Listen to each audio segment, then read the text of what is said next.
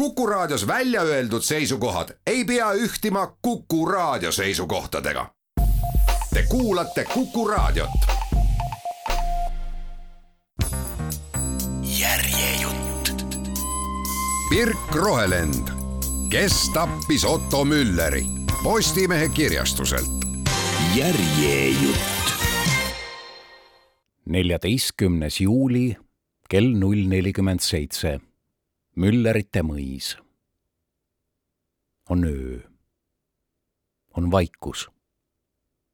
hulluks ajav vaikus, mida lõhestab vaid ritsikate rõõmsameelne sirin. tohutu kell vestibüüli seinal loendab pikki venivaid sekundeid, mis kaiguvad kummituslikult läbi terrassi uksest sisse hoovava udu. tumepunane vedelik valgub aeglaselt mööda heledat tammeparketti laiali see on veri. paks, mustjas, kleepuv elumahl, mis nüüd uut territooriumi alistab.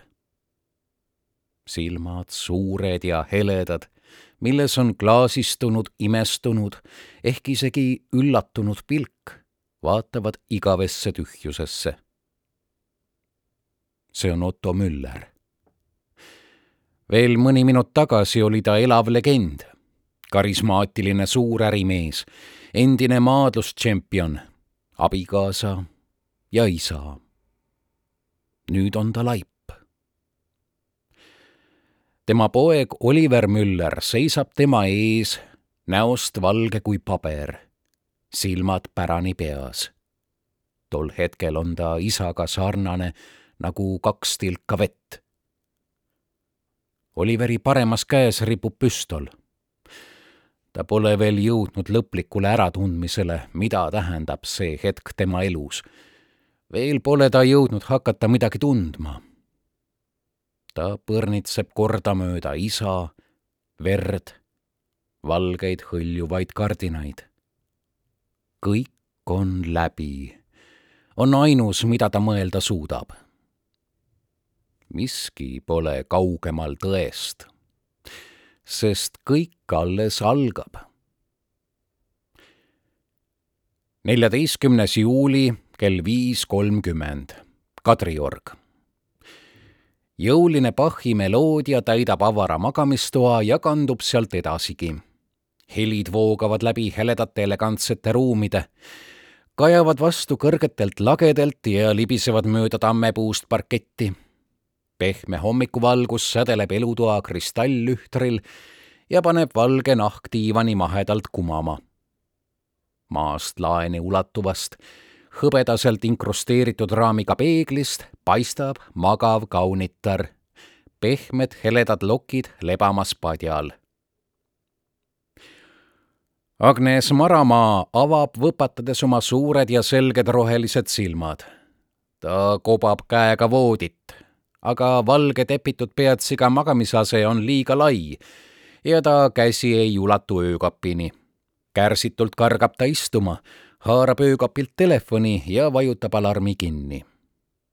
juba viimased nelikümmend minutit on ta poolunes vähereldes alateadlikult oodanud seda signaali, teadaannet, et uus päev on alanud ja ta võib tegudesse tormata ta lükkab teki pealt ja sirutab paljad jalad põrandale. täna on see päev, mil ma asun lahendama oma esimest mõrvajuhtumit, mõtleb Agnes. sest just nii teatas öine kõne ülemalt. ta tunneb, kuidas adrenaliinisööst ta keha läbistab ja naeratab õnnelikult.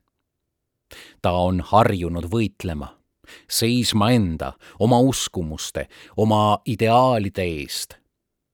ta ei karda rasket tööd ega pikki ületunde. selleks on valmis nii ta lihaseline keha kui ka range distsipliiniga kannatlikuks lihvitud meel. ometi on ta sunnitud endale tunnistama, et kusagil sügaval sisimas tunneb ta ka veidi hirmu. see hirm on tema rängim vaenlane hirm läbikukkumise ees.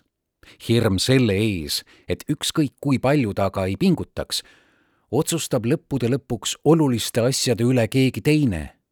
keegi tugevam, kõrgem jõud, kohutav, etteaimamatu määramatus, universumi loterii. ta teab väga hästi, et keegi ei ole kaitstud selle eest, et võib juhtuda midagi halba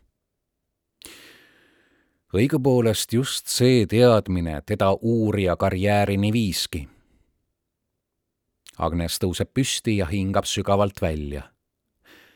ma võidan selle hirmu, ma saan hakkama, ütleb ta iseenda peegelpildile ja naeratab taas, seekord julgustavalt.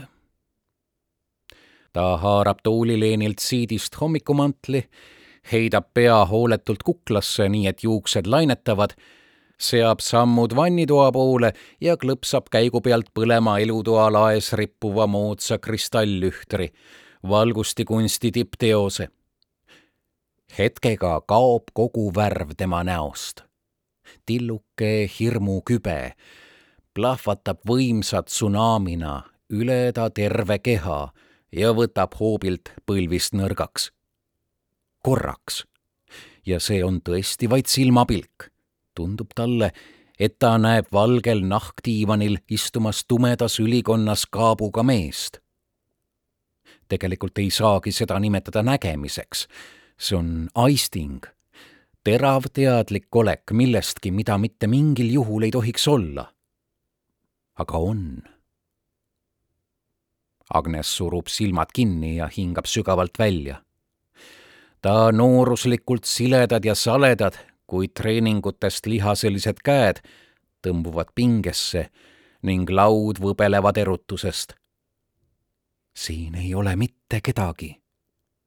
alarm oleks helisenud, kui siin keegi oleks. mäletad, sa kontrollisid eile üle köögi, kabineti, elutoa ja magamistoa aknad. ust kontrollisid sa kaks korda. siin ei ole kedagi kui ta silmad avab, on tuba tühi. just nii, nagu see peabki olema. ta kuulatab, pea viltu, kuid ei kuule ainsatki heli. eritellimusel paigaldatud topeltisolatsioon seintes, lagedes ja põrandates on just nii hea, nagu lubatud.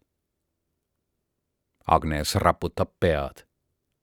keskendu keskendu, keskendu. see on tema suur võimalus. ta lihtsalt peab kõik õigesti tegema. neljateistkümnes juuli kell seitse kolmkümmend seitse, Kopli. issand jumal, Riks, kaua võib? aja kargud alla, see kuradi äratus ajaks surnud ka üles on esimene asi, mida Gabriel, mis muu saakski olla ühe mehe nimi, kelle sünniaastaks on tuhat üheksasada kuuskümmend üheksa, ärgates kuuleb. veidi hiljem jõuab tema aiu mehaaniline piiksumine, mis tuleb telefonist voodi all. ta pomiseb midagi arusaamatut ja küünitab telefoni järele aga nagu kiuste libiseb selle külm plastist kest ta ebameeldivalt tuimade sõrmede haarde ulatusest välja. kurat, ütleb mees ja ajab ennast aeglaselt külili. Telefon jätkab lärmi löömist, samal ajal kui Gabriel piklikku ja kõhna, veidi habetunud nägu hõõrub ja haigutab. tema tumedad juuksed on sakris ja turritavad nagu okkad hommik pole tema aeg. Pole kunagi olnud ja iga lisanduva eluaastaga meeldib see talle aina vähem. enne esimest kohvi tunduvad kõik liigutused talle lausa painavalt puised. nagu kevadine pori kärbes, ajab ta end aeglaselt esmalt püsti, siis kükitab ja küünitab vaevaliselt voodi alla, et telefoni kätte saada. tükk aega kobab ta voodi all lükates eemale tüütud sokid ja särgid, mis näivad voodi all justkui isekeskis paljunevat. tolm, mis talle rullidena silma hakkab, tuletab meelde, et kusagil kolimiskastides peaks peituma ka tolmuimeja. kolimiskastid, mis suurte virnadena seina ääres seisavad, tuletavad aga meelde kõike seda, millest ta mõelda ei taha. naist, lapsi, kõike seda, mida mul enam pole, mõtleb Gabriel. miks ma peaksin üldse pingutama? kellele seda üldse vaja on? kõige meelsamini poeks ta praegu voodisse tagasi, tõmbaks teki üle pea ja magaks südamerahuga edasi. aga nagu ta sõnumist loeb, on nagu kiuste mingi rikkur öösel maha lastud ja teda nüüd juhtumi peale määratud. vanasti juhtus seda sageli, torkab talle pähe siis, kui äri veel pulbitses ja võimuvahekordi vägivallaga paika pandi nüüd, valgete meeste ajastul, kipub kire asemel päästikule vajutama pankrot ja depressioon. mees ohkab. Tema tumesinised silmad näivad justkui veelgi tumenevat. kõigi nende töötatud aastate jooksul, mis ei ole teda ei edule ega heaolule kübetki lähemale viinud on tal esimest korda tunne, et ta ei jaksa enam. et teda ei huvita, sest ta on kõigest sellest lihtsalt viimse kui verepiisani küllastunud.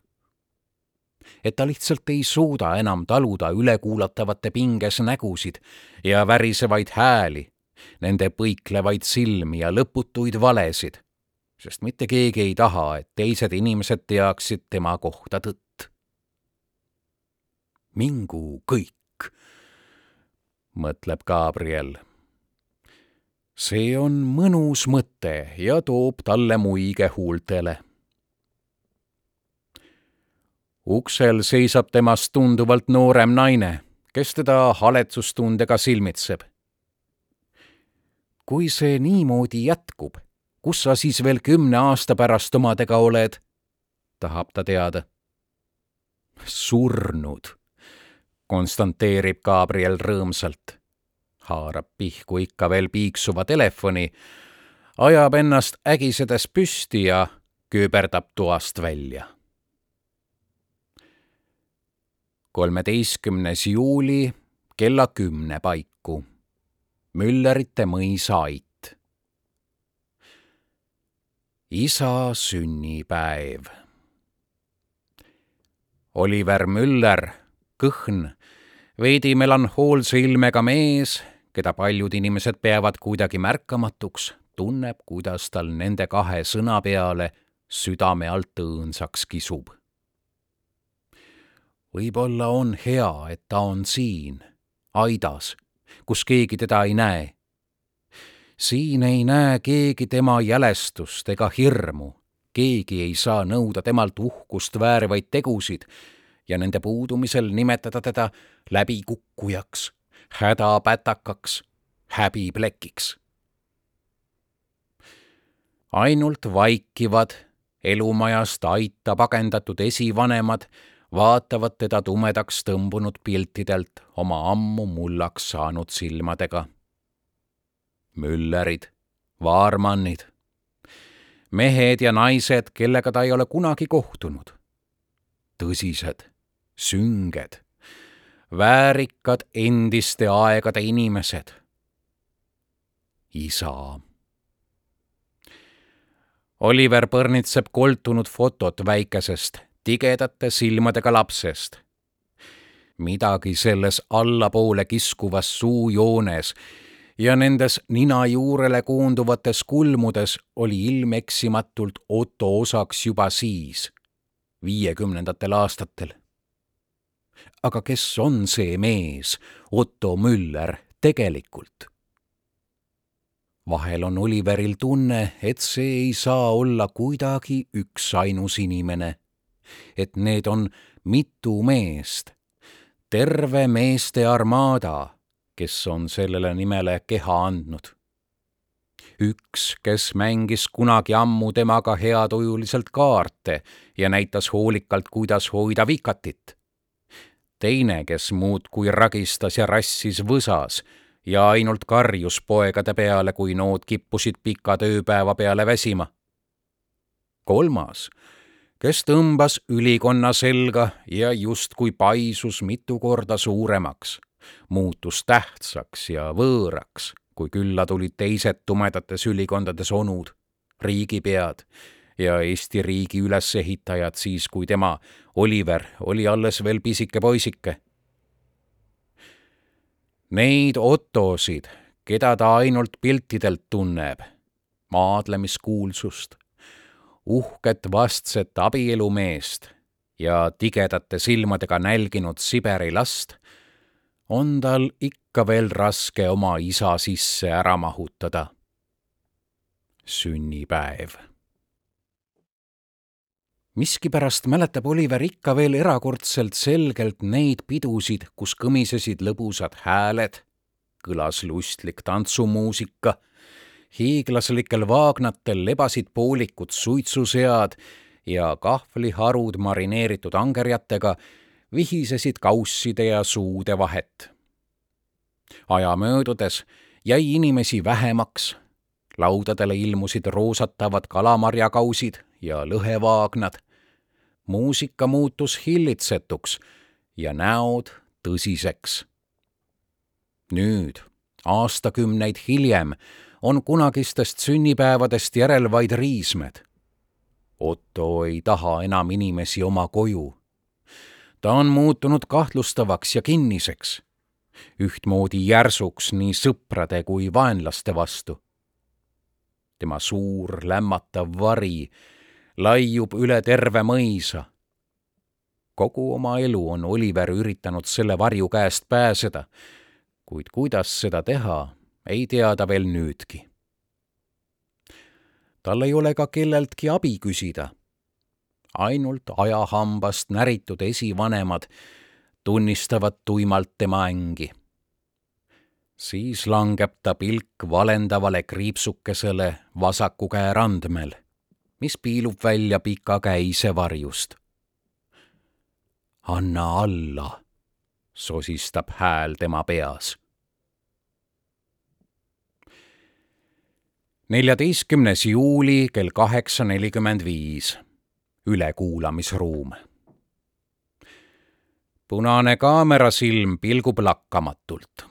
kell diktofoni ekraanil loendab lõppematut sekundite jada. karmi näoilmega noor naine istub laua taga, klõbistades sülearvutis, püüdes kinni iga ruumis kostva sõna. naise töökate sõrmede all muutuvad kõik paljastused, ahastused ja hirmud tuimadeks mustadeks piksliteks. pikk ja kõhn, kulunud nahktagis mees seisab seljaga tema poole, nagu ei tahakski tema olemasolust teadlik olla. selle asemel põrnitseb ta pingsalt ülekuulatavat. kulm kurjalt kortsus. Oliver Müller silmitseb kartlikult uurijaid, hinges möllamas tunnete torm, mida ta püüab jõuga alla suruda. jah, ta on kurb, nagu ollakse ikka, kui keegi on meie hulgast lahkunud. aga kurbuse vahele lahvatab aeg-ajalt temast lainetena üle rõõm peaaegu väljakannatamatult ere aimus sellest, et kõik, mis on olnud valesti, võib muutuda õigeks kummalisel kombel häirib ja erutab see rõõm teda veelgi enam kui teadmine sellest, et teda võidakse mõista süüdi. ta tunneb, kuidas tal kurk hullu pööra kuivab. ere valgus paistab talle otse lagi pähe. tumedad lokkis juuksed suisa kuumavad. nahk kisub ja silmad kipitavad. lisaks kõigele on ta meeletult väsinud üle kõige tahaks ta siit ära, kaugele eemale, minema sellest süngevõitu hoonest, mille seinu katab luitunud värv, ära sellest umbsest ruumist, mis tal südame pahaks ajab. ta on veetnud terve öö kongis, suutmata hetkekski uinuda ja nüüd tunneb ta, et tinane raskus tirib teda jalgupidi otse põrandasse aga keegi ei küsi, mida tema tahab. ma küsin uuesti. miks sa tapsid oma isa? nahktagis mehe, vanemuurija Gabriel Vanema hääl kõlab tüdinult. ma juba ütlesin teile. Oliveri vaikne, iseäralikult meloodiline hääl väriseb kergelt. Mina seda ei teinud. miks sa valetad? seekord plaksatab Gabrieli hääl nagu kõrvakiil ja Oliver jääb ootamatust hoobist vait. tema kõhnast kehast õhkub piinatust. ta istub tummalt nagu laps, kes peab vastama isa süüdistustele, kuid ei suuda leida ainsatki päästvat sõna. sinu käes oli relv, Makarov. vanem lükkab silpe ükshaaval üle huulte nagu oleksid need sõnad talle endalegi vastikud. sajas kord. ma korjasin selle põrandalt üles, see on kõik. ma ütlesin seda kohe alguses. Oliver raputab lootusetult pead. ta tunneb taas teravat väsimust ja ihkab ära minna. aga ära ta ei saa mitte enne, kui nad on kogu inetu tõe tema seest jõuga välja kangutanud viimsegi lause, viimsegi teo, viimse piisani. vanem vaatab tüdinult Oliveri, võtab seejärel tühja tooli seljatoest kinni, lükkab selle kolksuga vastu lauda ning eemaldub. Maramaa lõpetab hetkeks tippimise ja vaatab vanemat hindavalt ta juurdleb endamisi selle üle, kas agressiivsus kolleegi maneerides on kaasasündinud või omandatud aastate jooksul. naise pilk on ühtaegu küsiv ja hukkamõistev. kuigi ta seda iial ei tunnistaks, kaldub ta sümpaatia kahe ruumis oleva mehe vahel selles suunas, kuhu see kindlasti ei tohiks kalduda aga liiga jõulised mehed ei ole talle kunagi meeldinud. Te saate ju ise ka aru, et kõik asjaolud on teie vastu. Te teeksite meie olukorra nii palju lihtsamaks, kui te kõik üles tunnistaksite, ütleb Agnes Oliverile, hääles siiras kaastunne. Oliver tõstab korraks oma tumedate silmade pilgu ja silmitseb teda nukralt tema lootusetu, ekslev pilk mõõdab põgusalt naise malbet nägu, justkui otsides sellest väljapääsu. miks ta siin töötab? lipsab läbi Oliveri pea. temasugune naine ja valib selle koha siin kõikidest võimalustest. aeg jookseb, teatab vanem veidi liiga valju häälega ja koputab demonstratiivselt käekellale. mul ei ole midagi üles tunnistada. vanem põrnitseb teda nagu haavatud kiskja gasellipoega. kas sa pead meid idiootideks? tahad, et me sind arreteerime süüdistatuna võimude töö takistamises? Oliver ohkab. see on pikk otse sügavalt rinnust tulev raske ohe. mul on väga kahju. ma lihtsalt ei saa üles tunnistada midagi, mida ma pole teinud. nüüd toob uurija vanem kuuldavale midagi oige sarnast ja sikutab oma sassis juukseid. ta seisab hetke liikumatult paigal, siis heidab ühe põgusa pilgu Maramaa poole naine vaatab teda ootavalt. külm nagu jää, mõtleb vanem.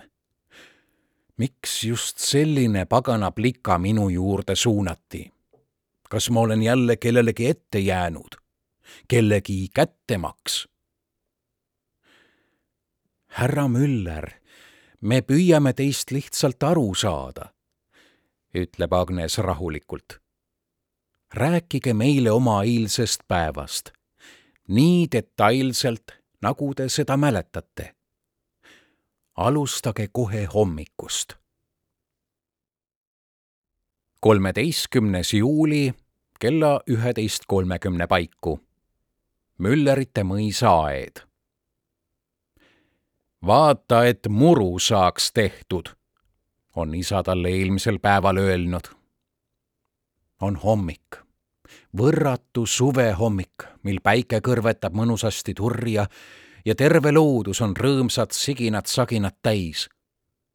see on ilm, mis lausa kutsub aega maha võtma ja järve äärde jalgrattaga sõitma või vaiksele metsateele jalutama. võiks imetleda päikeselõõsas valendavaid sambaid, mis kannavad võimsat portikust, kõrgeid klaasitud aknaid, mis põrnitsevad vaatajat kõigi oma kaheksa ruuduga, või romantilist paviljoni, kus oleks praegu nii hea jalad välja sirutada ja linnulaulu nautida. aga Oliver ei puhka, vaid rügab tuim valu paremat õlga puremas muruniidukiga majaesisel murulapil. muru peab niidetud saama. maja peab saama puhtaks, nõud peavad tekkima lauale ja söök vaagnatele. Otto Müllerit ei huvita, kuidas see kõik sünnib ja kes seda kõike teeb. kõik peab lihtsalt punkti pealt olemas olema, ei mingit vaidlust. üle kõige unistab Oliver sellest, et tal oleks jõudu isale vastu hakata. Iga mööduva aastaga, mil ta tunneb oma keha ja vaimu tugevust aina rohkem raugevat, lõõmab igatsus vastuhaku järele üha eredama leegiga. aga vari lämmatav vari on tugevam kui habras leek. ma olen juba sama hästi kui läinud, mõtleb Oliver. ma olen mitte keegi, mind ei ole kellelegi vaja. Minust ei sõltu mitte midagi. ta ei vaidle isale vastu, sest ta lihtsalt ei jaksa seda teha. ja nii asjad Otto ümber muudkui sünnivadki Oskar hangib toidukraami ja valib veinid. Anneken keedab, küpsetab ja kraamib. Merle korraldab peod ja valitseb vaimustusest ahhetama paneva aia üle. Oliver vaatab, kuidas masin surinal üle muru libleda sõidab ja surub iiveldama ajavat õõnsustunnet alla. aga äkitselt peatub mõisa ees kruusa kriginal võõras tulipunane auto. Oliver, tundes hetkelist segadust, keegi ei tohiks ju tulla, vaatab masinat. Hetk hiljem avaneb uks ja müsteerium laheneb. autost väljub käevõrudest ja sõrmustest särav lehvivates riietes Monika, tema naine. juhuu hüüab naine juba eemalt ja mees tunneb imelikku, süütundega segatud häbi. midagi Monika olemuses mõjub talle alati niimoodi. Oliver, vaata, mis mina endale sain, kas pole tore? Monika särab elevusest. minu tibuke. ta patsutab autot nagu lemmiklooma Oliver jätab niiduki sinnapaika ja kõnnib Monika juurde, masseerides valutavat õlga. mis mõttes said? küsib ta, halb eelaimus hinges kripeldamas. Kust sa selle said? vastuseks mossitab Monika huuli. ostsin, noh, ütleb ta hetk hiljem turtsakalt siis saab loomuomane rõõmsameelsus temast taas võitu. kas ta pole kena? niivõrd särav värv. kas sa ei leia, et ta sobib täpselt minu isiksusega kokku? me oleme täiuslik paar. Monika. Naine sirutab ühe kaunilt maniküüritud sõrme välja ja torkab sellega mehele põske. jube, kuidas sa kleepud. kas sa pead seda muru nüsima nagu mingi viimane teener? isa sünnipäev ju. külalised tulevad. külalised? mis külalised? Monika turtsatab. hetk hiljem valgustab ta nägu taas päikseline naeratus. Oi, minu jaoks niidad, nii armas sinust musike. ta patsutab Oliveri põsele, püsib siis peopesa vastu mehe varrukad puhtaks ja hakkab maja suunas minema. Oliver kõnnib talle järele, eelaimus hoogsalt kasvamas. kuhu sa lähed? ma lähen ütlen su isale, et Monika vaikib poolelt lauselt, vaatab vilksamisi Oliveri poole ja kiirendab sammu. Oliver rühib tema kannul. Monika, sa ei taha ometi öelda, et isa ostis sulle selle auto? naine viskab tigeda pilgu üle õla. no ja siis, kas ta ei või või? sina ju mulle uut autot ei osta.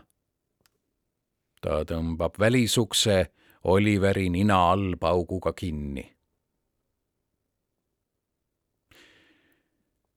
Neljateistkümnes juuli kell üheksa null neli, ülekuulamisruum. palun täpsustage, küsib Maramaa. kas ta tuli sünnipäeva ettevalmistustele appi? korraks võbeleb Oliveri huultel muie. appi Monika ei muretse teiste inimeste pärast. tol hommikul mõtles ta ainult oma uuele autole ta uhkab, tundes oma naise pärast häbi. miks see sind nii väga ärritas? küsib vanem, vaadates Oliveri tähelepanelikult. Oliver vaatab maha, niheledes toolil. noh, ta ei saanud seda endale lubada. tal polnud selleks raha. ei olnud. millega ta tegeleb? Oliver ei vasta Maramaa tõstab pilgu klahvidelt ja vaatab Oliveri huviga. kas teie isa tõesti ostis talle selle auto? Oliver noogutab pilku tõstmata. vanem kergitab kulme. ja see oli teie majapidamises tavapärane? Oliver kehitab õlgu. ei teised ei pidanud seda õigeks, et isa Monikat kuidagi eriliselt kohtleb. aga see ei huvitanud mu naist. ta on alati osanud kergemini hakkama saada. muidugi ei kiida ma seda heaks. sellepärast läksingi talle järele, et sellest rääkida, et ta lõpetaks isalt raha vastuvõtmise. aga kui ma majja jõudsin, kohtasin hoopis ema, Merle Müllerit. vanem noogutab aeglaselt väga muljetavaldav naisterahvas. psühholoog, ma saan aru. terapeut, Oliver köhatab. ta elab väga tervislikku elu. ta läks just aega joogaharjutusi tegema. kas ta ütles nii? küsib Maramaa. Oliver tõstab pilgu, mõtleb veidi ja raputab siis mõtlikult pead ei, aga ma arvasin seda, sest tal olid treeningriided seljas. ma küsisin temalt, kas isa on kabinetis, aga ta ütles, et isa ei ole veel tulnud. oo oh, ja ta keelas isaga rääkida. ta ütles, oleks parem, kui sa ei rikuks sünnipäeval tema tuju või midagi selle sarnast. Oliver köhatab mitu korda. kas sel hetkel, kui Monika saabus, olid kõik teised juba kohal. Oliveri tabab tõsine köhahoog. kui see möödub, heidab ta piinatud pilgu Maramaa poole. palun, kas ma võiksin saada klaasi vett? ma, ma ei tunne ennast kuigi hästi. neljateistkümnes juuli kell üheksa kakskümmend kaks. jaoskonna puhkeruum uurija Maramaa laseb masinast vett plasttopsikusse. suures sinises anumas kerkivad mullid ükshaaval ülespoole. uurija vanem nõjatub vastu seina, rüübates kruusist musta kohvi. ta silmitseb naist tähelepanelikult, justkui püüdes aru saada, kellega tal on tegu. see kõik tundub kuidagi veider, ütleb vanem viimaks Maramaa haarab innukalt pakutud võimalusest kinni. ma mõtlesin täpselt sama, ta tundub nii kena inimene olevat. vanem lükkab ennast seinast lahti ja liigub Maramaa poole. nüüd on ta liigutused märgatavalt sujuvamad kui hommikul. võiks isegi öelda, et nendesse on sugenenud teatavat nõtkust. kena ta silmitseb uurivalt naise rohelisi silmi, rangest soengust hoolimata laubale tikkuvaid heledaid salke ja ümber plasttopsi klammerdunud saledaid sõrmi. see on teie esimene mõrvajuhtum, kas pole, uurija Maramaa? ma ei tea kahjuks teie eesnime. Agnes. Agnes hm mees naeratab ootamatult häbelikult. see on küll kokkusattumus. minu nimi on Gabriel. ma tean, ütleb Maramaa õrnalt punastades. tuhmide seinte vahel mõjub ta värskena nagu kevadine tuulepuhang. vanem jääb hetkeks naisele otsa vaatama, mõlemad kohmetuvad veelgi enam pingutusega rebib mees oma pilgu naise noorelt kaunilt näolt lahti, hõõrub lõuga ja noogutab. ja kui küsida tohib, siis millest selline otsus? Agnes naeratab sunnitult. see kõlab kindlasti kulunult, aga ma leian, et õigluse eest on vaja võidelda. õigluse eest Gabriel kissitab silmi ja mida sa pead õiglaseks? naine tõmbub pingesse. kas see on mingi trikiküsimus? ta vaikib hetke. ma leian, et keegi ei tohi otsustada kellegi teise eest, ükskõik millises küsimuses. kõik on võrdsed, igaühel on õigus elule ja eneseteostusele.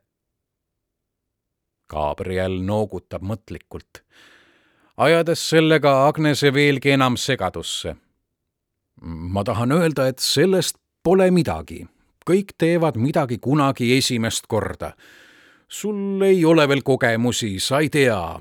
on asju, mida sa teha ei tohi. sa ei tohi võtta kahtlusalust kui inimest. Nad kõik valetavad. Nad kõik varjavad ja nad on kenad inimesed ainult senikaua, kuni mitte miski, mida nad räägivad, pole tõsi. ta vaatab naist, pea veidi küljele kallutatud, soovides veenduda oma sõnade mõjus. Agnes vaatab talle otse silma. midagi nendes rohelistes, puhta järvevee selgusega silmades kriibib vanemat sügavamalt, kui talle meeldiks minu arvates on tähtis meeles pidada, et meil on kahtlusalune, mitte süüdlane, ütleb naine, keerab mehele selja ja hakkab energiliselt ülekuulamisruumi poole astuma. kolmeteistkümnes juuli kella kolmeteist kolmekümne paiku Müllerite mõis rusutud pingest, mis teda valdab, siseneb Oliver avarasse kööki ning võtab endale külmkapist pudeli vett, keerab selle lahti ja joob ahnelt. lonks lonksu haaval laskub koos külma veega tema sisse ka veidike rahu. ehk on asi just selles vee karguses palaval suvepäeval, et samal hetkel meenub talle tema esimene naine Reeli. suuremat kontrasti kahe naise vahel on raske ette kujutada. Monika kerglase ja hõljuva oleku kõrval tundub Reeli kunagine karmus ja jõud talle iseäranis ahvatlevana. tõeline naine, mõtleb Oliver kibedusega. kui ma oleksin saanud elada tema kõrval üks unistus kerkib ereda pildikesena tema ette. unistus lihtsast elust kusagil kaugel eemal, mõnes vaikses rahulikus linnakeses.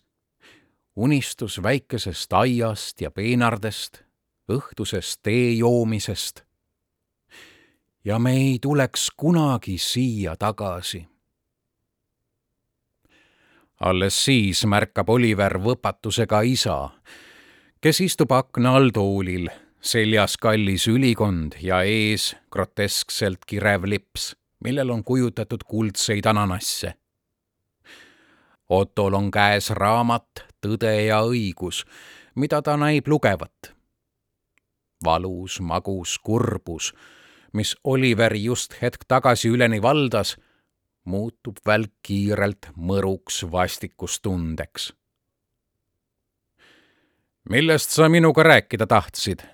Küsib Otto raamatult pilku tõstmata. see ei ole tegelikult oluline sa oled alati olnud kehv valetaja. Otto lööb raamatu plaksuga kinni, võtab selle kätte, tõuseb püsti ja tuleb Oliveri juurde, silmitsedes poega, põlglik pilk silmis. mina arvan, et sa tahtsid rääkida Monikast. Oliver tõmbub näost punaseks ja vaatab maha see ei ole ju õige, et sa talle niimoodi raha annad, ütleb ta vaikselt. kuidas mina ennast selles olukorras tundma pean? mis mõttes tundma pead? Otto huuled kõverduvad põlglikuks muigeks. keda su tunded huvitavad? Kas see on sinu arvates ühe mehe elu eesmärk? tunded kas sa ei peaks rakendama kogu oma energiat selleks, et ehitada oma perele paremat tulevikku? millal sa üldse kavatsed hakata lapsi saama? Otto hääles kõlab hukkamõist. sina ja su vend, te olete täpselt ühesugused. kas ma pean sajaaastaseks elama, et üldse lapselapsed ära näha? Ja ei, ma ei süüdista Monikat, asi on sinus sa peaksid teenima raha, mitte vedelema nagu Ivan ahju peal kusagil kuradi tehases, et su naine ei peaks äiapapa juures kerjamas käima. Otto viskab raamatu lauale, võtab seal kõrval olevast korvist õuna ja laualt noa ja hakkab õuna koorima.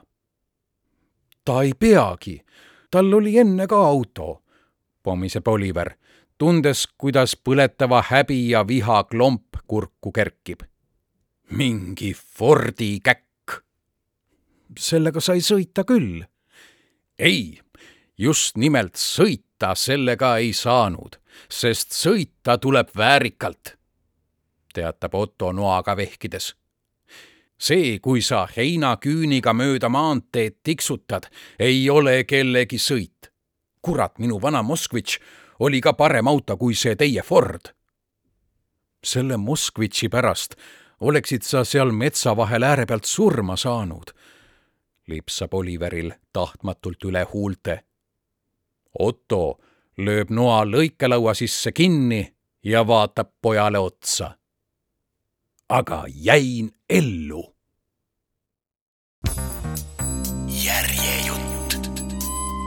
Pirk Rohelend. Kes tappis Otto Mülleri? Postimehe kirjastuselt. järjejutt